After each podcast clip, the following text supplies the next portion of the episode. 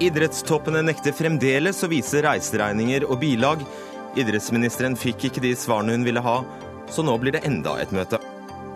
Fiskeriministeren krever at forskere på Havforskningsinstituttet skal være næringsvennlige. Men forskerne vil ikke være med i Per Sandbergs heiagjeng. Luksusbiltjenesten til byregjeringen i Oslo koster skattebetalerne mer enn to millioner i året, og bilene forurenser mer enn EU tillater. Og nå er det bare Norge i Skandinavia som nekter enslige kvinner rett til assistert befruktning.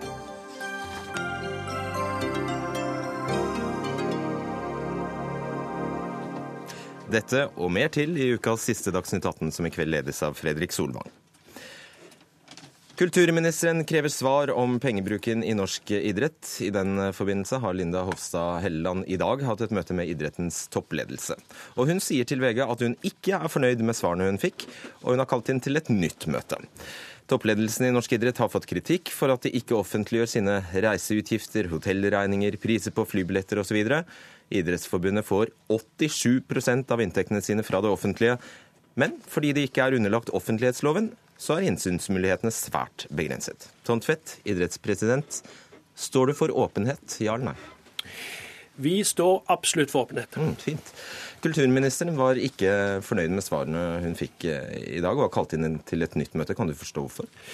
Det som har vært i dag, det er at vi har pratet med kulturministeren. Vi har en, en organisasjon som har et demokrati. Vi har rapportert til Kulturdepartementet i mange år. Vi har senest i desember mottatt et eh, brev om at måten vi har gjort dette på i alle år, eh, har vært eksellent, og det har vi forholdt oss til. I dag har vi hatt et møte med kulturministeren, og der har kulturministeren vært eh, veldig tydelig, muntlig, på at hun forventer at vi ser på de rutinene og venter tiltak. Det er den tilbakemeldingen muntlig. Hvorfor behov for et nytt møte? Nei, fordi at jeg er idrettspresident for et idrettsdemokrati. 54 særforbund, 19 idrettskretser, og der er man politisk valgt. Jeg har et styre å forholde meg til. Og det å endre disse prinsippene, som, som er i realiteten en endring utover det Kulturdepartementet har eh, hatt før, så er jeg nødt for å gå tilbake til idrettsorganisasjonen, og ikke minst til mitt styre. Så du vil gjerne være åpen, men eh, særforbundet hindrer deg? Er det sånn å forstå? Det er særdeles viktig å ta på alvor det som man snakker om en tillitskrise. Eh, som sagt, eh, vi har hatt mye eh, eh positiv tilbakemelding.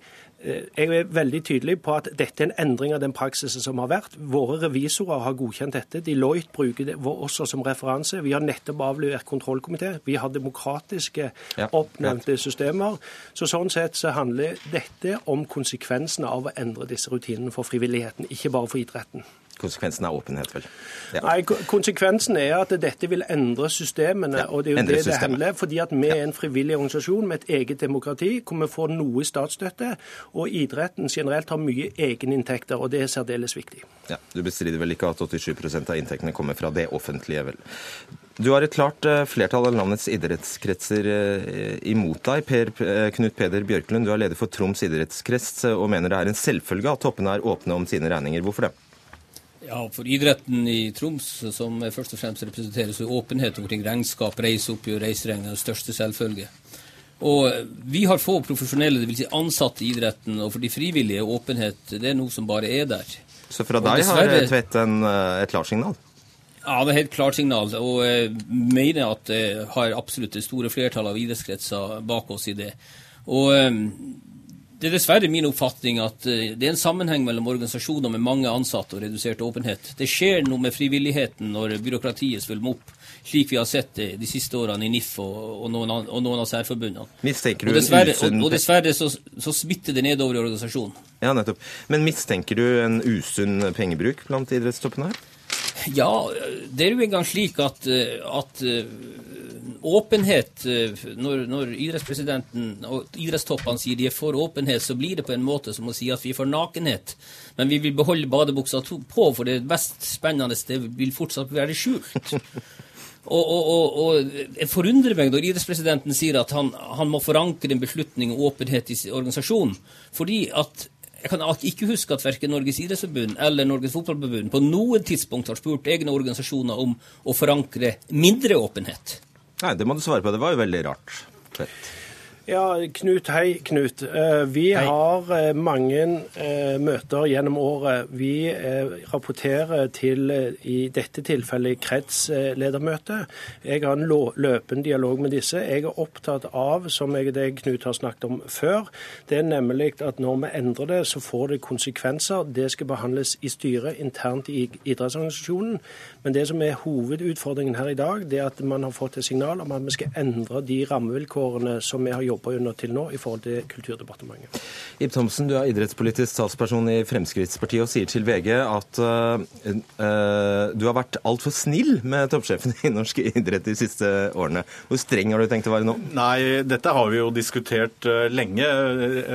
NRK refererte noe jeg hadde sagt, at det var stor avstand fra de vaffelstekende dugnadstimene til lederne på Ullevål stadion. Så Det sa jeg for to år siden. og dette, Jeg har jo sittet i seks år i kulturkomiteen, og dette har jo vært et tema hele veien, at vi må få større åpenhet. Og Samme var det jo på Fotballforbundets eh, ting også. Åpenhet var ene diskusjonen, og lønnstak den andre. Så det, det virker som at det er en ukultur som vi bør få til livs. Altså, vi kritiserer... Det virker som, bør du ikke ha noe jo, men mer vi, vi har jo kritisert Fifa, vi har kritisert eh, IOC, at det er viktig at eh, ukulturen forsvinner, og at de får tillit. Og så skjønner jeg ikke at norske toppidrettsledere skal tjene mer enn statsministeren. Spesielt når hele organisasjonen er basert på dugnadstimer, frivillig, gratisarbeid. Ja. Altså 28 000 årsverk jobbes det i dugnadstimer. Jeg skal bare gripe tak i akkurat det. Hvor mye tjener du, Tvedt? Jeg kjenner en, Det som står, som jeg har sendt ut til alle offentlighet, jeg kjenner 1,2 millioner kroner. Som, er, millioner. som er et honorar eh, som en egen komité er nedsatt av Idrettstinget, som har kommet frem til det. Jeg avgjør ikke min egen lønn. Eh, du er ikke misfornøyd med lønna? Jeg har eh, fått den lønnen, og det er denne komiteen. Det er en egen valgt på idrettstinget, så jeg syns det blir spesielt for meg eh, å kommentere akkurat det. Men så sier man noe om Fifa. altså sant? Men, man må ikke snakke sånn om, om, norsk idrett er som Fifa. Det er like lite aktuelt som Norge er Qatar. Vi har en rapportering, det vet Ib Thomsen. Kan, altså, er det sånn at man skal endre kun reglene for idretten? Det vi snakker om, er frivilligheten. Hva med mediene som f.eks. Har, har pressestøtte? Skal de begynne å legge fram dette?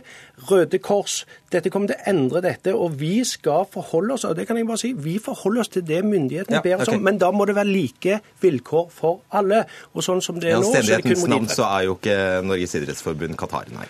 Nei, det er helt riktig. Men det jeg gjorde som, eller ga som et eksempel, det var jo Fifa at det er en ukultur. Og vi må bort fra denne kulturen, ukulturen. Og det er viktig at idretten nå skaper tillit. Og da er det jo viktig at åpenheten kommer ut fra det. Og spesielt når vi hører at medlemmene rundt omkring Og jeg har fått mye henvendelser etter disse oppslagene som har vært i VG om akkurat dette. Så det er ikke noe tvil om at dette engasjerer. Og når vi også ser på Facebook, og ikke minst når vi blir invitert til Dagsnytt 18, så er det klart at dette er viktig for idretten de rydder opp i. Eh, Rigmor Aasrud, du er stortingsrepresentant for Arbeiderpartiet og er med oss på eh, telefon. Syns du det er viktig at idrettstoppene viser fram kvitteringer for lunsjer og reiser?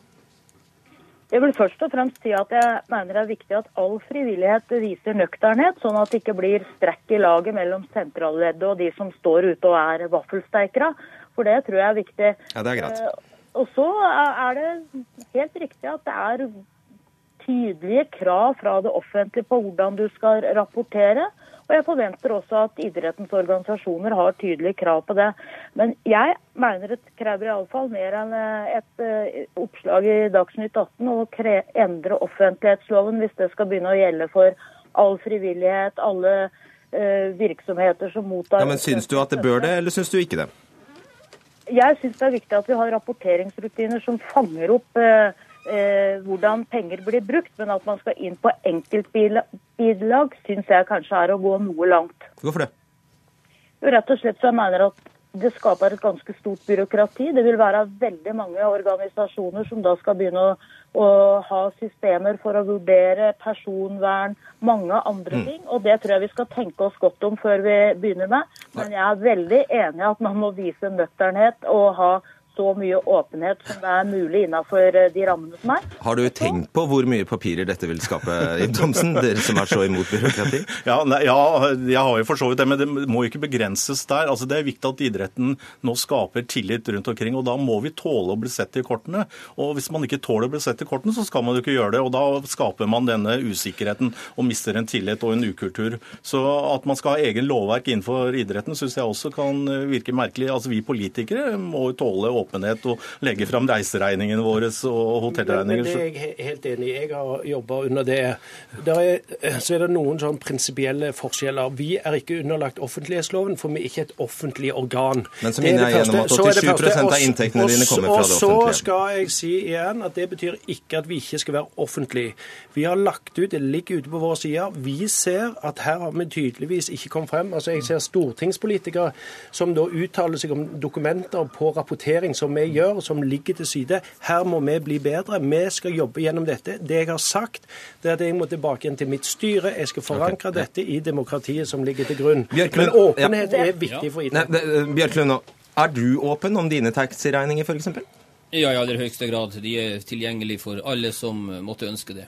Så det er mulig, altså? Ja, det er fullt mulig. Det er ingen problem i hele tatt. Å blande inn eh, mye personvern og sånt syns jeg egentlig å konstruere opp en situasjon som er marginal. Men det som jeg syns er viktig å få fram For det første, jeg har tiltro til at Tom Tvedt ønsker å gjøre noe med det. Men han har overtatt et styre med stor kontinuitet på godt og ondt. Og han har en sedimentert administrasjon å forholde seg til. Så jeg tror at når han skal kjøre prosesser, så er det først og fremst for å få ryggdekning til å trenge igjennom i forhold til eh, de som er på Ullevål. Mm. Dernest vil jeg si at det er like viktig å ha åpenhet om beslutninger, ikke bare om pengebruken. Og den åpenheten mangler. Eksempel vil jeg ha bruken av First House, engasjementet av First House som norsk idrett gjorde i 2011. Den avtalen har vi fortsatt ikke fått innsikt i. Vi vet ikke fortsatt hvor mye penger som er brukt på, norsk, på, på eh, First House. Mm. Og jeg ser dessverre jeg ser en sammenheng mellom manglende åpenhet og, og dop som, som, som, brukes i idretten. Fordi at det er dessverre slik at kan ting holdes hemmelig, blir det en del av idretten, så kan også andre ting holdes hemmelig. Litt av en attest, vet du. Ja, som sagt, Vi har rapportert i årtier tilbake til Kulturdepartementet. Og så sier du de offentlige midlene. Mange av våre særforbund er sponsorinntekter, egne inntekter, pluss den verdien som ligger på dugnad. Jeg har sagt at vi, alt dette ligger på våre sider. Dere kan gå og finne det. I dag har jeg tatt det med til hele pressen. Så registrerer jeg at eh, man sier at man skal være mer åpne. Jeg har sagt at jeg skal tilbake til mitt styre, til demokratiet. Vi skal komme tilbake og se på dette. Men det vi har fått i dag fra kulturministeren, statsministeren skriftlig, det at det vi har hatt til dags dato, som vi har fått ståkarakter på, det er ikke godt nok, ja. og så skal vi svare opp det. La meg bare teste denne åpenheten. Eh, to, to sekunder, Åsrud. La meg teste åpenheten eh, litt. Generalsekretær i Norges Fotballforbund, eh, Kjetil Sime, har alene levert reiseregninger for 494 000 kroner. Slår du ham? Eh, det kan ikke jeg svare på, mest sannsynligvis ikke, fordi at jeg eh, ble idrettspresident i juni. Men det som er viktig, det er å mm. se hva som ligger bak disse tallene. Fordi at vi har, jeg har sagt igjen, jeg er den eneste idrettspresidenten i hele verden. Vi har en egen organisasjon. Det er én president for alt. Går du til Sverige, så er det fire presidenter. Hvis vi skal være på med antidoping, hvis vi skal være på internasjonal politikk, så må noen reise, og det har en kostnad. Flyr du business? Jeg, har, jeg, flyr business når jeg flyr utenlands. Jeg har gjort det én gang. Da jeg eh, fra eh, Frankfurt via eh, LA til Malaysia. Jeg er to meter, og jeg gjør det fordi at jeg klarer ikke å sitte, og jeg skal på og jobbe rett etterpå. Så det har jeg gjort. Ok, Åsrud, veldig kort. Ja, jeg syns den debatten og de prinsippene som Tom Tvedt drar opp her, er mye viktigere enn å diskutere om offentlighetsloven skal gjelde i frivilligheten. For det er viktig at organisasjonene sjøl gjør de avveininger som skal gjøres her. sånn, og Det er viktig at det er åpenhet i frivilligheten, og at man uh, har uh, systemer som gjør at vi kan se dem i korta. Men da tror jeg Ib Thomsen bommer litt på å bruke offentlighetsloven. Og jeg har lyst til å spørre Ib Thomsen, som er 76 år i kulturkomiteen, når har du fremma forslag om at vi skal gjøre noen endringer på det her? Thomsen Nei, Jeg mener at offentlighetsloven ikke er kanskje alfa og omega her, men at faktisk idretten tar dette inn over seg og, og, gjør sånn som Tom Tvedt sier, at man faktisk ønsker å ha en åpenhet og vise disse bilagene så det ikke blir noen diskusjoner i Dagsnytt 18 eller i VG eller andre steder. At man har tillit til den jobben man eh, utfører på Ullevål stadion. Tiden vil vise dere. Ja. Mm, takk. Er Knut Peder Bjørklund med oss fra Tromsø, Tom Tvedt, Ib Thomsen og Rigmor Aasrud. Dagsnytt 18 alle hverdager klokka 18.00 på NRK P2 og NRK2. Fiskeriminister Per Sandberg krever at forskerne ved Havforskningsinstituttet er næringsvennlige, og at de støtter opp om regjeringens ambisjoner om vekst i oppdrettsnæringen. Ja, Det skriver Bergens Tidende i dag. I går hadde Fiskeridepartementet, Havforskningsinstituttet og Norske sjømatbedrifters landsforening et møte, og det kom i stand etter at Sjømatforeningen har kritisert forskningen fra Havforskningsinstituttet, og bl.a. sendt bekymringsmelding til departementet om en forskningsrapport. Fiskeriminister Per Sandberg fra Fremskrittspartiet, hva sa du egentlig til forskerne på Havforskningsinstituttet? Eh, det møtet vi hadde i går, eh, det kom med bakgrunn i bekymringsmeldinga, og at jeg har fått tilsvar fra Havforskningsinstituttet som har svart på disse bekymringene. Mm. Med bakgrunn i det, for Vi kan ikke leve videre der at man ikke har tillit imellom det viktige instituttet som Havforskningsinstituttet er, og, og næringa. I hvert fall ikke nå når storting og regjering har store ambisjoner om at havbruksnæringa skal vokse. Jeg registrerer at Havforskningsinstituttet sammen med næringa tiljubler denne ambisjonen. Og da når jeg sier For det første så har jeg ikke krevd noen verdens ting.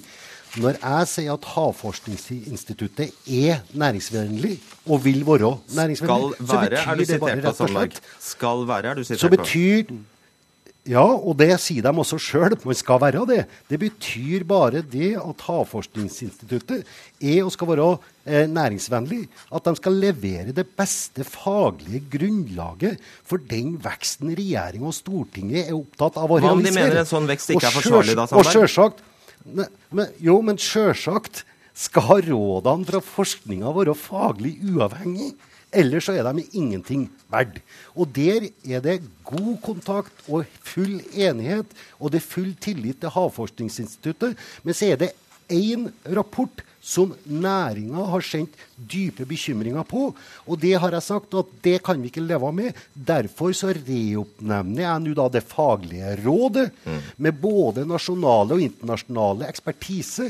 Ikke jeg eller politikerne eller regjeringa, men det faglige rådet skal gå gjennom denne rapporten for å se hvorvidt at vi greier å skape tillit og ro rundt situasjonen. Ok, Jeg skjønner at vi ikke snakker om at ja, ja, vi, ja, vi, vi, snakker ikke om at du har tenkt å legge deg flat, i hvert fall, men kan du i det minste innrømme at du kan ha lagt et utilbørlig press på Havforskningsinstituttet ved å si at de skal være næringsvennlige? Det har jeg aldeles ikke. Nei. Jeg har full tillit til Havforskningsinstituttet, og de skal gjøre den jobben nemlig å forske på det som er viktig for fiskeri- og havbruksnæringa. Og de skal forske på forvaltning av denne. Det gjelder enten det er snakk om hvor mye torsk vi skal fiske, eller råd om lakseproduksjon. Og det er veldig viktig nå å ha en tillit her, for at nå skal altså jeg iverksette det vekstregimet som Stortinget har vedtatt. Som Stortinget har vedtatt. Der er det ute på høring nå. Det skal ha modellkjøring i løpet av dette året. Og det nye vekstregimet skal iverksettes fra 2017. Og da må vi ha en tillit mellom forskning, Havforskningsinstituttet, alle de andre viktige instituttene og næringa for å iverksette dette. Ok. Petter Aaslestad, du er leder i Forskerforbundet. Når Per Sandberg da altså bare han, sier, han bare konstaterer at Havforskningsinstituttet er et næringsvennlig institutt, så er vel det helt greit? Slik som Per Sandberg formulerer seg i dag i eh, Bergens Tidende, så uh, kommer det frem helt andre sider av denne saken enn en, uh, slik som det fremstilles nå. Der sier statsråden at han forventer at et forskningsinstitutt deler regjeringens ambisjoner. Og Det er en formulering som er overraskende for oss, og som er en helt ny måte å forstå forskning på. Har du problemer med den? Jeg har fått veldig mange reaksjoner i dag fra medlemmer hos oss. Og jeg har jo også utover dagen sett at det har vært ganske store reaksjoner rundt om i Forsknings-Norge på disse formuleringene. Hva går reaksjonene ut på, da? Den første og mest opplagte reaksjonen er at eh, hvis ikke forskningen er politisk eh, uavhengig, så blir den meningsløs. Eh, her settes den akademiske friheten til, eh, til, side for regjeringens egne ambisjoner. Eh, Sand, Sandberg sier i Nærings, nei, unnskyld, i Bergens Tidende, når han ble spurt om hvis Havforskningsinstituttet mener at veksten ikke er forsvarlig, så skal de legge til grunn at den er forsvarlig om å finne nye modeller. Og Da er vi over i å styre forskningsresultatene. Har du misforstått helt fundamentale spilleregler her, Sandberg? Nei, men altså, du er helt ærlig. For det første så kjenner jeg ikke igjen noe av det som blir sagt her.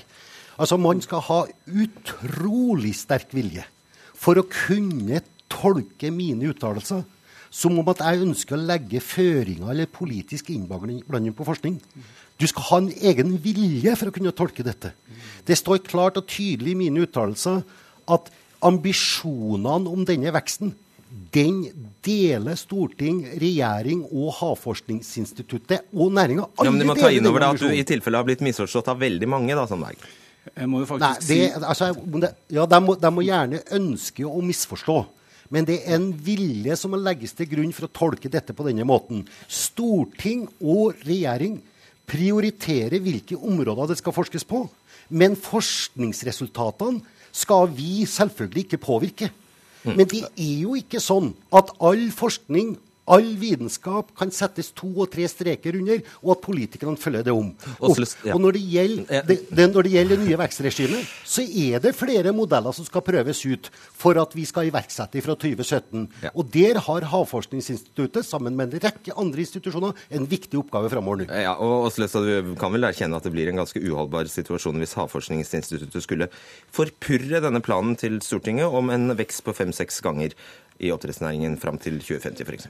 Det er jo ikke snakk om å forpurre eh, noens ambisjoner, men det er snakk om å foreta en objektiv eh, forskning. Og det kan jo tenkes at man kommer frem til resultater som man ikke nødvendigvis vil like. Og jeg syns Per Sandberg også underkommuniserer, for å si det slik, at vi ikke, når vi forsker, så vet vi jo ikke hva slags resultat vi vil komme frem til. Og eh, jeg blir nå mistenkt for å lese veldig vrangvillig, men det står faktisk at eh, Havforskningsinstituttet må finne modeller som passer til det som er regjeringens ambisjon. Jeg ble veldig overrasket da jeg leste det, og ja. sjekket med Bergens Tidende for å høre om det hadde vært det gjort, det er riktige sitater. Det er riktige ja. sitater, og dette setter jo regjeringens eh, forskningspolitikk Man begynner å tvile på regjeringens forskningspolitikk hvis det er slik at forskningsinstituttene skal politisk styres. Det er helt nytt for norsk nei, men, forskning. Nei, men, nei, men igjen, igjen. Det er flere modeller som må utprøves for å finne den riktige forvaltninga. For det er lus som er det overordna her. Og da må det kjøres flere modeller som både er næringsvennlige, men som også sørger for at vi når målene våre med å bekjempe luseproblematikken. Det er flere modeller som skal kjøres.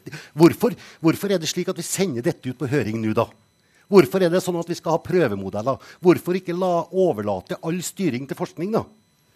Vi må teste oss fram, for det er flere ja, muligheter for å nå modeller som er riktige og treffsikre. Ja, ja. Og det er ikke bare Havforskningsinstituttet heller som er inne i bildet. Dette Dette skal forvaltes også. Og jeg, jeg merket meg det Sandberg sa innledningsvis, om at han nå hadde satt sammen et faglig råd som skulle gå eh, en viss forskningsrapport etter i sømmene. og det, det er jo slik som eh, vi ser som vanlig forskningspraksis, at man eh, får eksterne til å kontrollere egen forskning. Men, så Det er vi alle enige i. Men derfra til å diktere et resultat, slik som vi forstår Sandberg, da er vi over på noe som er helt uakseptabelt for norsk forskning. Kan du garantere det, Sandberg, at det du ikke ønsker Du ønsker ikke at forskningen skal tilpasse seg, tilpasse seg deg? Jeg syns, med all respekt å melde, hvis du har respekt for forskning så bør du jammen ha respekt for å holde deg til det som er realitetene. Jeg har ikke krevd noen verdens ting. Jeg har ikke på noe område sagt at jeg skal gå inn og overprøve eller sortere forskning på noen slags måte. Og dette faglige rådet, som jeg reoppnevner, det tiljubles av alle.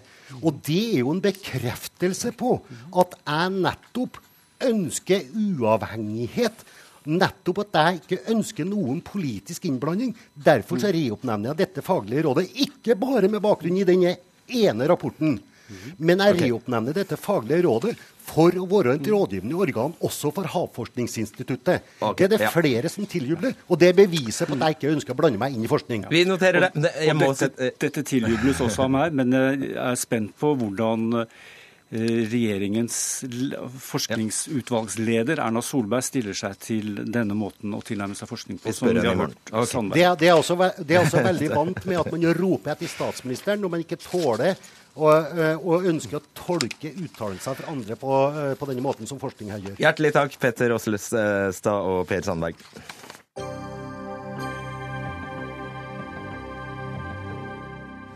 Mens politikerne i Bergen og Trondheim bruker beina, tar Bybanen, egen bil eller taxi, blir Oslos nye byregjering kjørt rundt i svarte luksusbiler. To Audi A8 med tre sjåfører i turnus koster skattebetalerne minst to millioner kroner i året.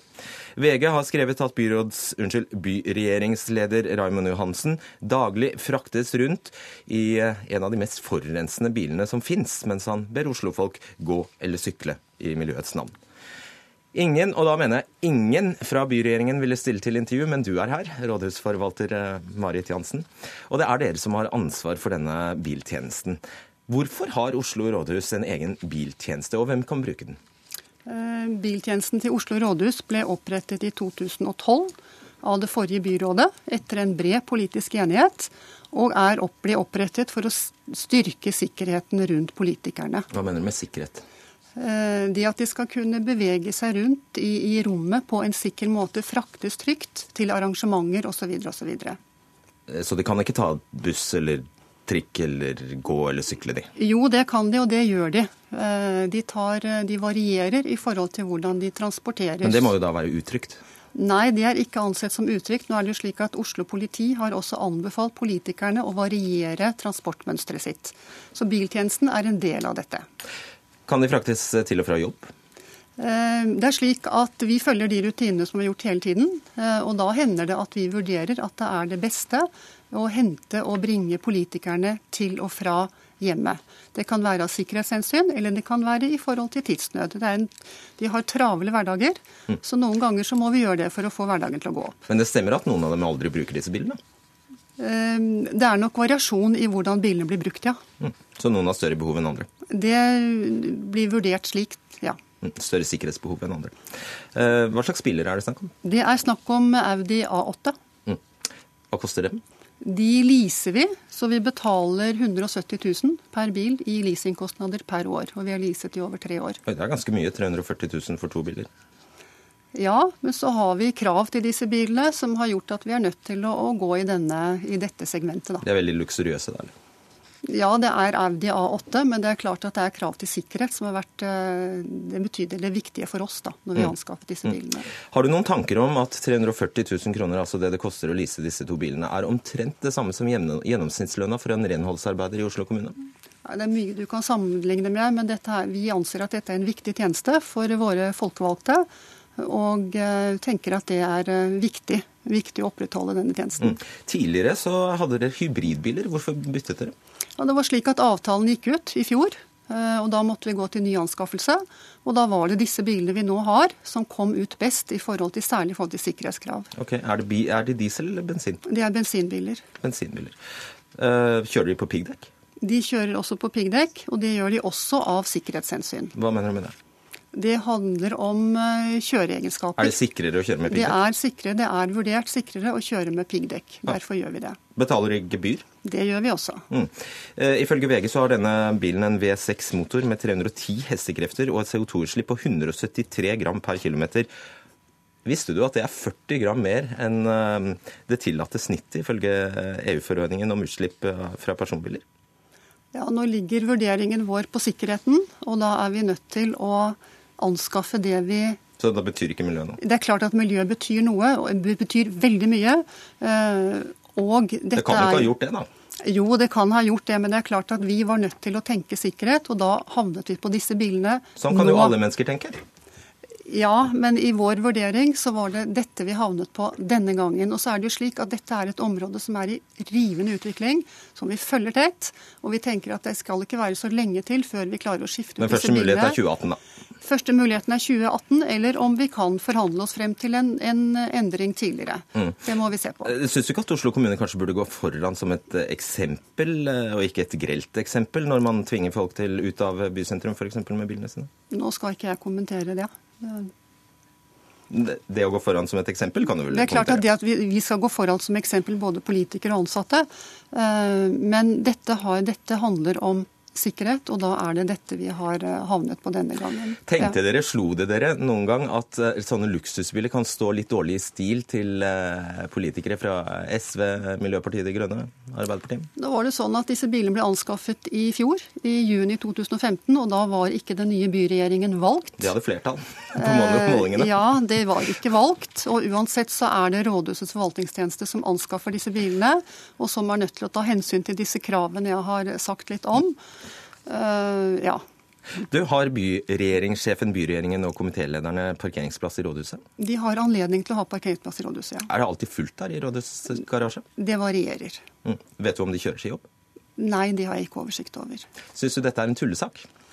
Jeg har full forståelse for at folk er opptatt av dette. Takk for at du kom til Dagsnytt 18, Marit Jansen.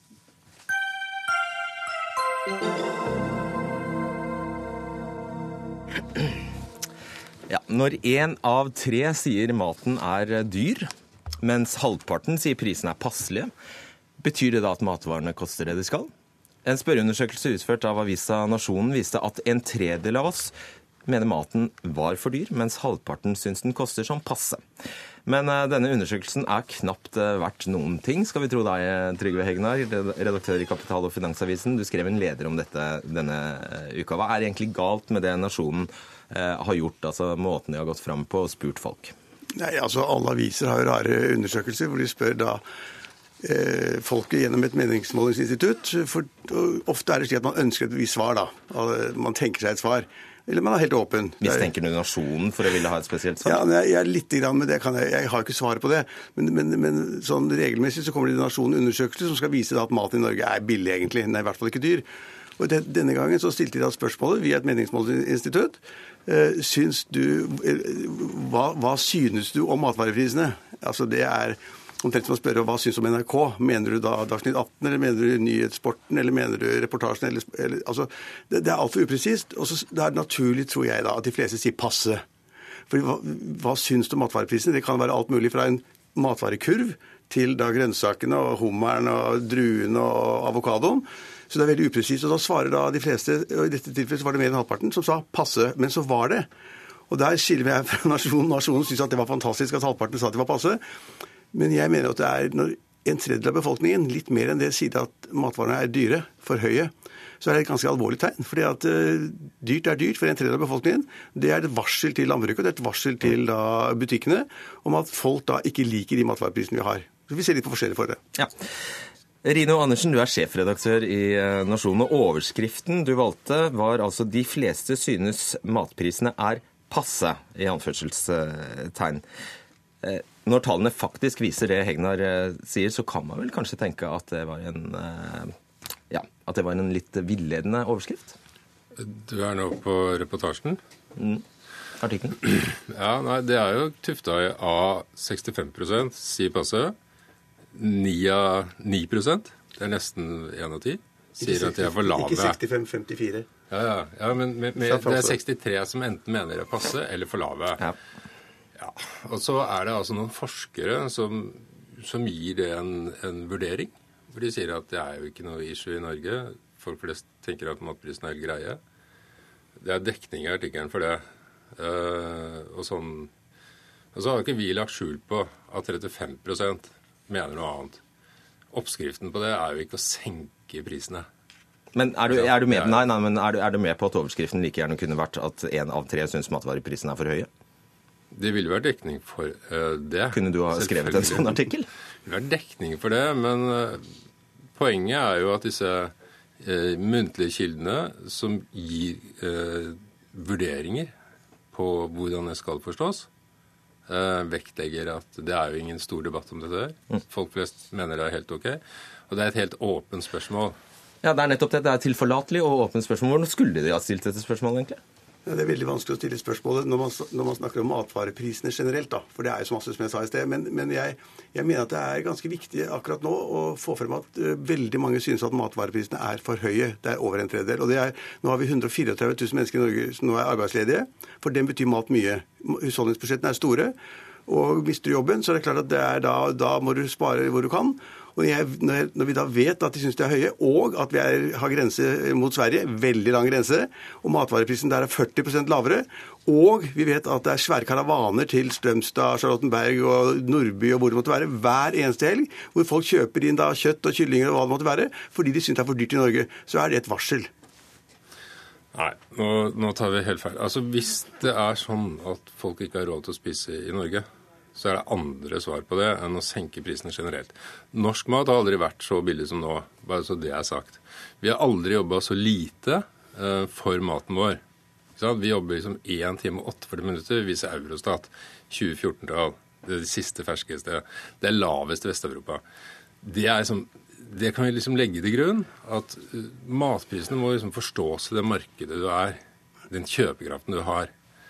Norsk mat er altså således billig. Østerrikere må jobbe tre timer. Men, men dette, er en, dette, er en, stor misforståelse. Eh, det er ikke slik at matvarene er billige fordi vi bruker mindre av inntekten til mat. Det betyr at inntekten er veldig mye. Så kan allikevel matvareprisene øke. Matvareprisene er høye, ikke lave. Og vi har en veldig høy inntekt, som da forsvarer at veldig mange kan betale de høye prisene. Men det er allikevel et problem, og det er det denne artikkelen i Nasjonen viste, når en tredjedel, eller mer enn en tredjedel, mener at matvareprisene er for høye. Og det er betenkelig at så mange nordmenn reiser over grensen hver dag, hver eneste helg, for å skaffe seg billig billigere mat og billigere kyllinger, hvor det koster en tredjedel.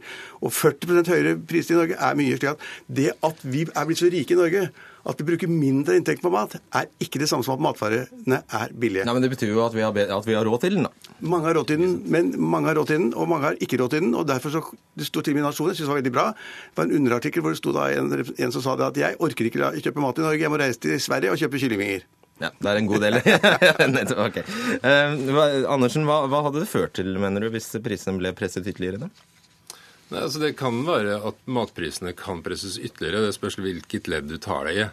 Vi har jo en, en lov om god handelsskikk, forslag, ikke sant. To utredninger lagt i skuffen, blir ikke gjennomført. Det kan tenkes at det ligger ting der, men det ligger Og, og det er unektelig mulig å produsere mat i Norge innenfor dagens regime, dagens system, billigere men da må vi ta stilling til et par ting som går på etikk, og som går på moral. På den ene siden så ser vi i Aftenposten at folk syns kyllingtettheten er, er liksom for, stram. da, ikke sant? Det er for mange kyllinger. ikke sant? Det har det fælt. Og det er i det landet i verden hvor kyllingen har det best. Den beste kyllingen, beste dyrevelferden. Hvis det skal bli billigere, så må du altså fortette, må medisinere. Da får du kostnader på et annet nivå. Og det er jo ikke sikkert at disse 30 liker utslagene av eh, billigere matpriser.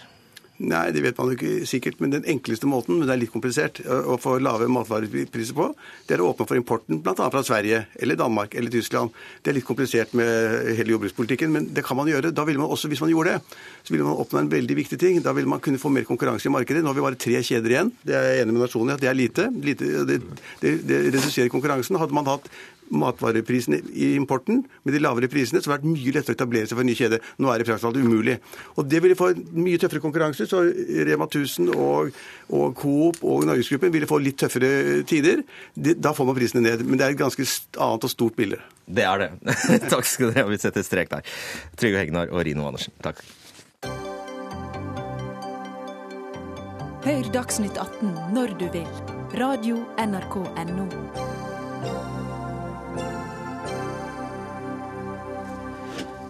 IS har egne lister over selvmordsbombere og medlemmer som har reist eh, tilbake til Europa, ifølge en syrisk avis. Og fem personer med tilknytning til Norge er omtalt i det hemmelige IS-registeret. To av dem er norske statsborgere.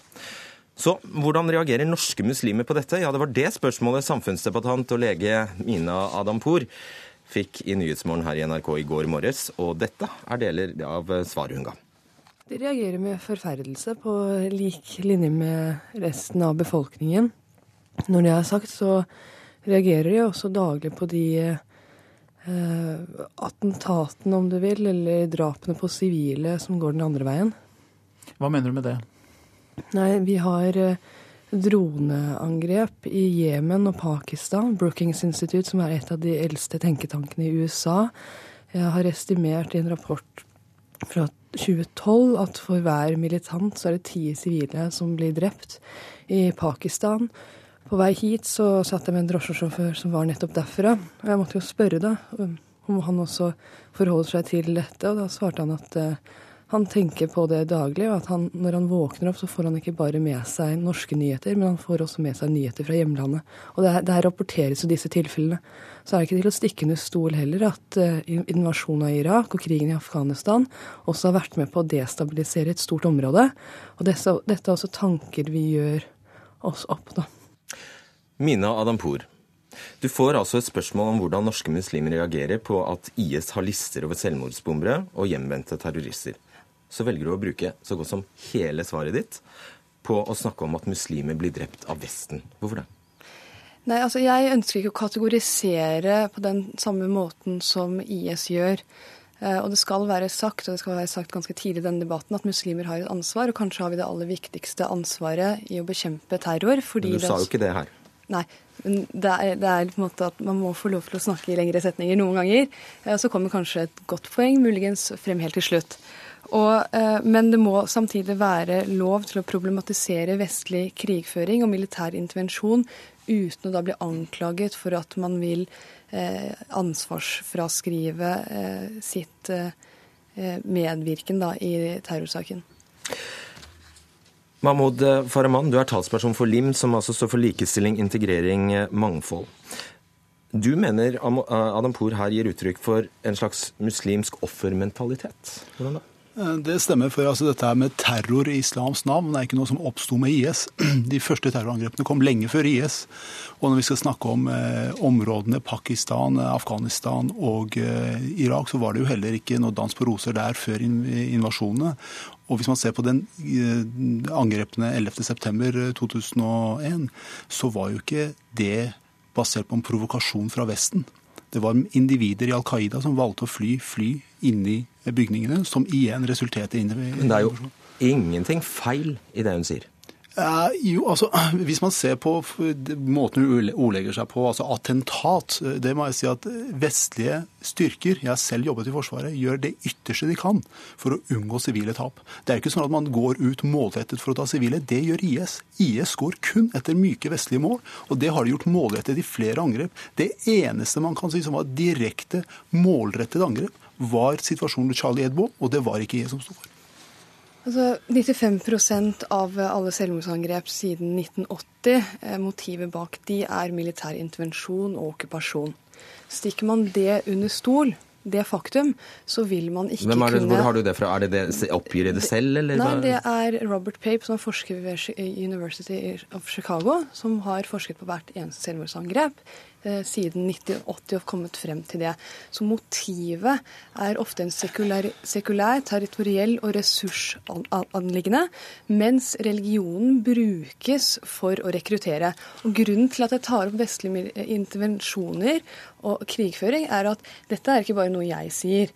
Eh, eh, Rumsfeld-kommisjonen fra 2004 konkluderte med det samme, at muslimer, eller mennesker i den muslimsk-dominerte delen av verden, hater ikke vestlige vestlig frihet, men de hater intervensjon og mm. samarbeid med diktatorer i Midtøsten. Svar kort på det. Eh, beklager. Kjapt svar er at eh, hva man begrunner et angrep med, er likegyldig. For det er et begrunnelse man gir, og man gjemmer seg bak intervensjon og angrepskrigføring som ikke har alltid en grobunn i sannheten. Dessuten er de vel døde, så vi vet ikke. Vi får aldri etterprøve det. Men, ja, for Man har jo også lydopptak. F.eks. så har man det fra det første ja. anslaget i Paris, hvor man nettopp sier at det var dette de jobber imot. Men hensikten med å si dette er ikke at man skal legitimere at sivile i vestlige land blir drept. Hensikten med å si det er at vi må hindre rekrutteringen til IS. Og hvis vi løfter denne debatten på et høyere nivå, så kan vi si til norsk ungdom som er i faresonen for å bli rekruttert til IS og havne på nettopp en slik liste, at er du imot krigføring, synes du at dette, disse alliansene man har med diktatorer i Midtøsten, Norges relasjon til Saudi-Arabia. Vi sender kronprinsen når diktatoren dør. Det er skammelig, og vi eksporterer militært materiell for 733 millioner eh, kroner til da et diktatur som Saudi-Arabia er, som eksporterer terror. Og dette må vi snakke om. Kristian Tybring-Edde, du er stortingsrepresentant for eh, Frp. Fra, mars, eh, fra, 2001 til mars 2015 så ble 21 500 sivile pakistanere drept i den såkalte krigen eh, mot terror. Uansett hva som måtte være den reelle eh, motivasjonen for disse selvmordsbomberne eller terroristene, så er det jo akkurat dette de opplever der og da, at de får bomber i hodet. Ja, Du har eh, jihadister og ekstremister i Pakistan, innad i Pakistan som bomber andre muslimer i Pakistan, som de oppfatter som moderate, eller de bomber slik de gjorde sist gang, kristne i eh, Pakistan. Og De går etter jøder i Pakistan, jøder i Tyrkia osv. De går etter de som de definerer som, eh, som vantro. Men konklusjonen av det som sies her nå, det er jo at, egentlig at alt vestlig engasjement i Midtøsten burde slutte. Eh, og Det er veldig interessant, for hvis Mina mener det, så tror jeg ikke Vesten er noe særlig imot det. Eh, og vi kan godt trekke oss ut fra ideen bak å være militært engasjert i Midtøsten var ikke å være slemme mot muslimene og, og, gå etter dem, men det var faktisk fordi at det var muslimske eh, terror- og, og diktatorer eh, som også gikk etter muslimer. Og Det var derfor vi Vesten valgte å gå etter Gaddafi og gå etter Saddam Hussein. Så kan man si at det var uklokt eller ikke, men det skulle gjerne vært det foruten. Men så må du heller ikke glemme at det aller første angrepet som gjorde at Vesten engasjerte seg, det var altså artikkel 5 terrorangrep innenfor Nato-alliansen, nemlig når Taliban og Afghanistan angrep eh, USA. Og så kan man ikke begrunne det med at det gjorde muslimer i Europa så sinte at de sprengte seg selv i luften og tok med seg en 40-50 andre i samme forsøk. Det er å vri på det. Muslimer er ikke ofre i denne sammenhengen. Dere spiller offerkortet, og det må dere slutte med. Ja, jeg føler at det jeg sier i denne debatten er politisk kontroversielt. Og jeg føler at jeg på ingen som helst måte verken har en offermentalitet eller spiller offerkortet. Jeg sier noe som i norsk offentlighet ikke er blitt sagt på mange år. Og det er ikke til å stikke under stol at Clinton i 2009, som nå er en presidentkandidat som reelt kan bli den neste presidenten av USA, omtalte Hosni Mubarak, som er en diktator, som nære venner av hennes og sin familie, som hun besøker hyppig i Egypt, og som hun ønsker å bli besøkt av i USA. Det er ikke til å stikke under stol at Jemen ble besøkt av Bush i 2001. De fikk en pakke på 400 millioner dollar for å kunne ha en base i krigen mot terror. Dette er da en tidligere konge som har styrt i 33 okay. år med jernhånd, og som holder 240-500 milliarder kroner i egne penger som har stjålet fra sin befolkning. De har sterke allianser til oss, og denne dobbeltmoralen må vi adressere hvis vi skal bekjempe terror. Fordi IS bruker dobbeltmoralen til, til, å rekruttere. Farman først. Dette blir litt sånn, litt, en liten utfordring. Dette er det som blir sagt jevnlig, iallfall på NRK. Hvis man ser på denne kanalen, så blir disse problemstillingene tatt opp. og det å påstå at dette ikke er en sak som blir diskutert, vil jo være regelrett useriøst, om ikke usant. Eh, en annen del av dette er at man kan ikke sitte her, og det er helt, eh, helt alvorlig, sitte her og si at intervensjoner og invasjoner er det som får ungdommer til å ta på seg en selvmordsbombe og sprenge seg selv i lufta. Det er ikke innenfor akseptkriteriene, for da begynner man å skape et grobunn for den offermentaliteten. Hvorvidt man mener eller ikke, det får eh, Adam Poor svar på, men det er ikke Men det kan være sant? Ja, altså, som jeg sier, det er ikke tilfellet. Det er ikke derfor de gjør det. For, altså, hvorfor gjør de det? Vi ser jo på imamer i moskeen i Oslo som vi har snakka om, som forkynner en del hat og misnøye. Som fremmer terrorister. Mm, okay. Du, vi, vi, skal bare ha med oss Skal jeg komme med, med en eh, kommentar, jeg også? Ja, jeg tenkte først at vi skulle spille av eh, et kutt, så skal ja. du få eh, kommentere, Tybring-Gjedde. Fordi vi, vi skal nemlig høre her tidligere sjef for etterretningsgruppa E14, Ole Kallager, som snakket i debatten på NRK1 i går kveld. og Der snakket han om årsaken til terroren vi opplever nå. Og så er det sånn da, ofte at Vesten intervenerer på et eller annet vis. Eh, på en relativt brutal måte. Eh, og så skaffer de seg enda flere tilhengere fordi vi kommer inn som en elefant i et eh, glasshus. Hva mener du med det? Det kommer av at vi bruker da stor makt. Vi vil ikke miste soldater. Vi bruker den tekniske overlegenheten vi har. Vi sender inn militærstyrker som vel egentlig er konstruert for å drive mer skal vi si, industriell krigføring i Europa. Dette er et resultat av, av, av en intervensjonspolitikk som jeg mener Vesten har drevet de siste 20 årene. Her, her har du det til Bringede fra en offiser som burde vite hva han snakker om. Ja, og det, og det, det, det jeg sier, Da burde man trekke seg ut da, hvis det er konklusjonen. Men poenget er at terrorangrepene men nå kan jeg snakke litt, at, terror, at terrorangrepene startet lenge før de siste 20 årene. De startet langt før. og Begrunnelsen var at de leste ekstremister og jihadister, leste Koranen, og de mente at de hadde Gud på sin side. Og Det er den samme guden. Det er derfor dere blir spurt om hvor dere tar avstand, når muslimer generelt. Fordi at dere, dere, dere tror på den samme guden, og dere bruker den samme boken, men de tolker den annerledes enn dere gjør. Derfor sier, spør man tar dere avstand, eh, og det burde dere gjøre. Og det burde dere gjøre i flokk og følge hele tiden. Og hadde dette skjedd i min kirke, og hvis det hadde vært noen som hadde sagt jeg tror på, eh, på, på Gud og på Jesus og sprenger seg selv i luften, jeg hadde vært ute av den kirken sånn. Eh, men her sitter man her akkurat like mange med i, i mente. Ingen melder seg ut, og man har fullstendig taushet og lar imamer fortsette å støtte terrorister. Og det, det, Alle disse statistikkene du viser til, og alle de professorene alle de undersøkelsene du viser til Jeg kan vise til ti andre, andre som viser det motsatte det resultatet du kommer frem til, og du sitter og, og, og viser til dette. Det stemmer faktisk ikke når man går gjennom flere rapporter enn det du viser til. IS er en direkte utvekst av Al Qaida i Irak, som vokste under USAs invasjon. IS hadde ikke eksistert, hadde ikke vært for Bush sin eh, invasjon av Irak. Og historien har vist at det var et strategisk feilgrep. Og det står jeg ved. Ja, og Det kan godt hende at det var det, men da vil, konsekvensen være for deg at Vesten skal ikke engasjere seg i Midtøsten, verken militært eller på annet vis. Er du enig i det? Det jeg ønsker, er at vi har en offentlig debatt om dette, så vi lærer norsk ungdom, som også er muslimsk ungdom, at hvis du er imot det, så tar du i demokratiske virkemidler. Da skriver du en kronikk. Da skriver du en kronikk. Du deltar i en demonstrasjon som du har søkt polititillatelse for. Du lar deg ikke rekruttere og reise ned til Syria for å ta vestlige sivile liv. Er du imot all vestlig engasjement i, i krigføring i Midtøsten? Jeg er på lik linje. Disse to setningene jeg nå gjentok om at IS har vokst ut av Irak, er faktisk fremført av president okay. Obama. Er du imot all vestlig krigføring er... i Midtøsten? Vi kan ikke fortsette denne. Eh, Farman, du får, eh, du får avslutte. Altså, jeg, jeg, jeg hører det Adam Pohl sier, og det ene utelukker ikke det andre. Altså Hun påstår at jeg må først si at alt er Vestens feil, for å si at du må demonstrere. Det er, det er sånn det oppleves her jeg sitter. Ja, kan jeg få lov til å snakke ikke... ferdig, Adam Pohr, vær så snill. Uh, og Det er det som er litt av utfordringen her. for vi, vi, trenger ikke å unnskylde terrorhandlinger for å si til folk du må bruke demokratiske midler, du må bruke demokratiske friheten du har til å kunne demonstrere og, og vise avsky mot dette her. På en annen side så er det dette med at altså, hvis vi nå velger å se på terror, terror historisk, så er det betydelig andre faktorer som spiller enn det som blir beskrevet her. Ok, Vi må sette strek. Beklager. Men det er ingen tvil om at terroren har økt etter invasjonen av Irak og Afghanistan, og at det primært er muslimer som blir drept. Takk skal dere ha. Mina Adam Thor, eh, Mahmoud Farahman og Christian Tybring-Gjedde.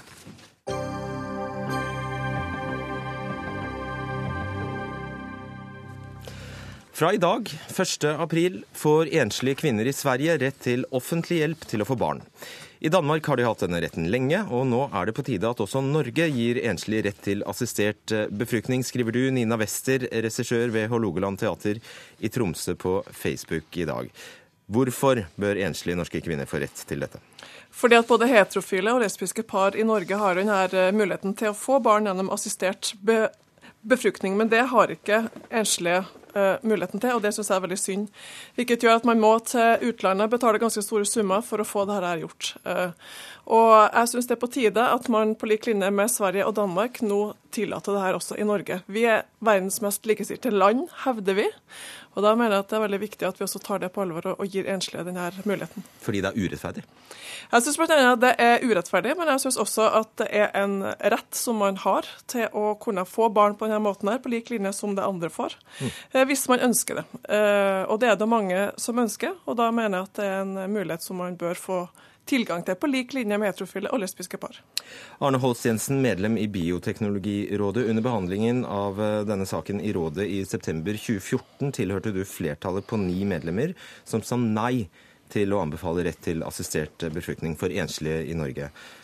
Hva var deres viktigste argument? Hovedargumentet vårt er å ta utgangspunkt i barnets beste. Og da er det ikke sånn at vi stiller spørsmålstegn ved omsorgsevnen hos de eventuelle enslige mødrene eh, som vi snakker om. Men det handler om å ta eh, konsekvensen av at her er det staten som går inn og eventuelt gir uh, på en måte støtte til at et barn skal komme til verden. Og da ønsker vi ikke at vi skal bruke kan du si, Staten skal gå inn for at et barn skal stå i en mer sårbar situasjon enn det som er nødvendig. Hvordan kan staten da tillate adopsjon for enslige? Da snakker vi om et barn som allerede er født. og Det er en fundamental forskjell på det å gå aktivt inn for at man skal sette barn i en sårbar situasjon, og det å gjøre noe for et barn som allerede er potensielt i en sårbar situasjon. Sånn at da, det, er en, det er en viktig eh, forskjell. Wester, du er jo selv enslig og venter barn i juni, og du blir såkalt storkemamma. Mm. Det betyr altså at du har vært i Danmark. Kan du fortelle, fortelle litt om den prosessen? Nei, Det har selvfølgelig vært en ganske lang og krevende prosess, nettopp fordi at eh, det finnes mange moralske dilemmaer rundt det. Men jeg syns det er feil å på en måte hevde at man setter et sårbart barn til verden gjennom at de ikke har en mor og far, eller at man har to foreldre. Jeg syns også at man da gjennom det underminerer alle de eh, menneskene rundt omkring i Norge som jo lever som enslige eh, mødre eller fedre, på en måte sier at de gjør en dårlig jobb, og at de vel... har mer sårbare barn. ja, det, det er vel ikke nødvendigvis det, det Jensen mener. Han mener vel kanskje at hvis du skulle falle fra, så er barnet veldig sår, sårbart? Det kan man si, men eh, jeg har jo familie rundt meg, har venner, jeg har et nettverk. Og det er klart, enslige som jo tar et sånt valg, har jo tenkt ganske nøye gjennom hvordan man vil gjøre det her. Og har lagt opp allerede et ganske stort nettverk rundt seg hvordan man vil gjøre det. Eh, Holst Jensen, det er jo en grunn til at rådet nesten er delt på midten her? Ja, det er helt korrekt. Og jeg vil jo understreke at det er veldig fint å ha et sterkt, solid nettverk rundt seg. Men det er allikevel en fundamental forskjell på det å være foreldre for et barn og det å være nettverket til de samme foreldrene.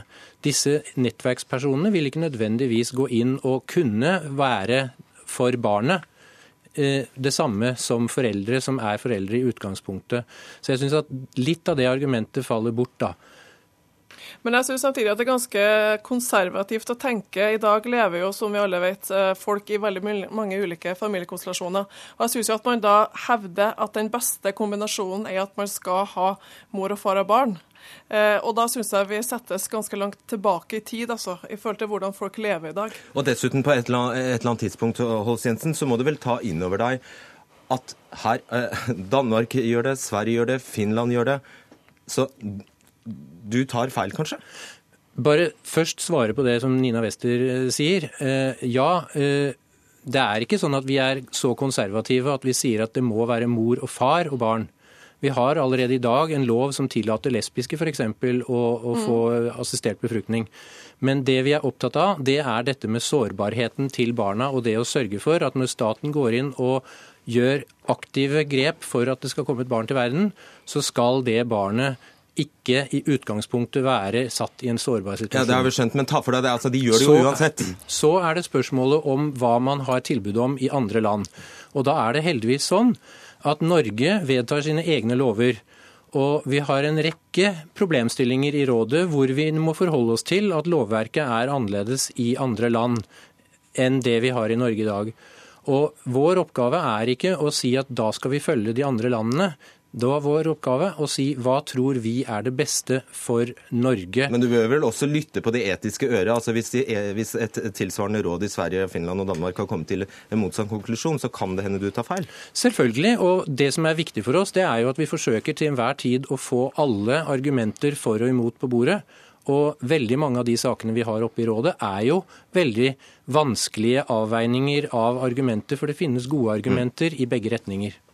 Men jeg synes jo eh, det blir feil at, eh, at, staten skal definere hva som er sårbart og ikke.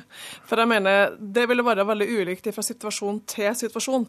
Og det mener jeg det må staten forstå at hvert enkelt menneske har muligheten for å kunne definere det. Til, til slutt, bare en prosaisk sak. Altså, dette har kostet deg masse penger og hadde vært veldig mye billigere for deg om du kunne ha gjort det i Norge? Nettopp. Og det er også et annet element at det er jo også de ressurssterke som har denne muligheten, hvilket jo også gjør at det blir ganske urettferdig at det skal være sånn. Og en sånn sak vil jo, hvis Stortinget beslutter at dette skal tillates i Norge, så vil det jo også være en avveining som Stortinget da må gjøre, om det skal finansieres av staten, eller om det må betales betales helt eller delvis av den som tar Og Det kan faktisk skje allerede til høsten, fordi det kommer en stortingsmelding om dette. Og det kan godt være at det er eh, stortingsflertall for det. Vi må sette strek der. Tusen takk skal dere ha, Arne Holst Jensen og Nina Wester. Ukas siste Dagsnytt 18 er ved veis ende. Ida Tune Øresland var ansvarlig, Frode Thorshaug var tekniker, og Fredrik Solvang var i studio. God helg.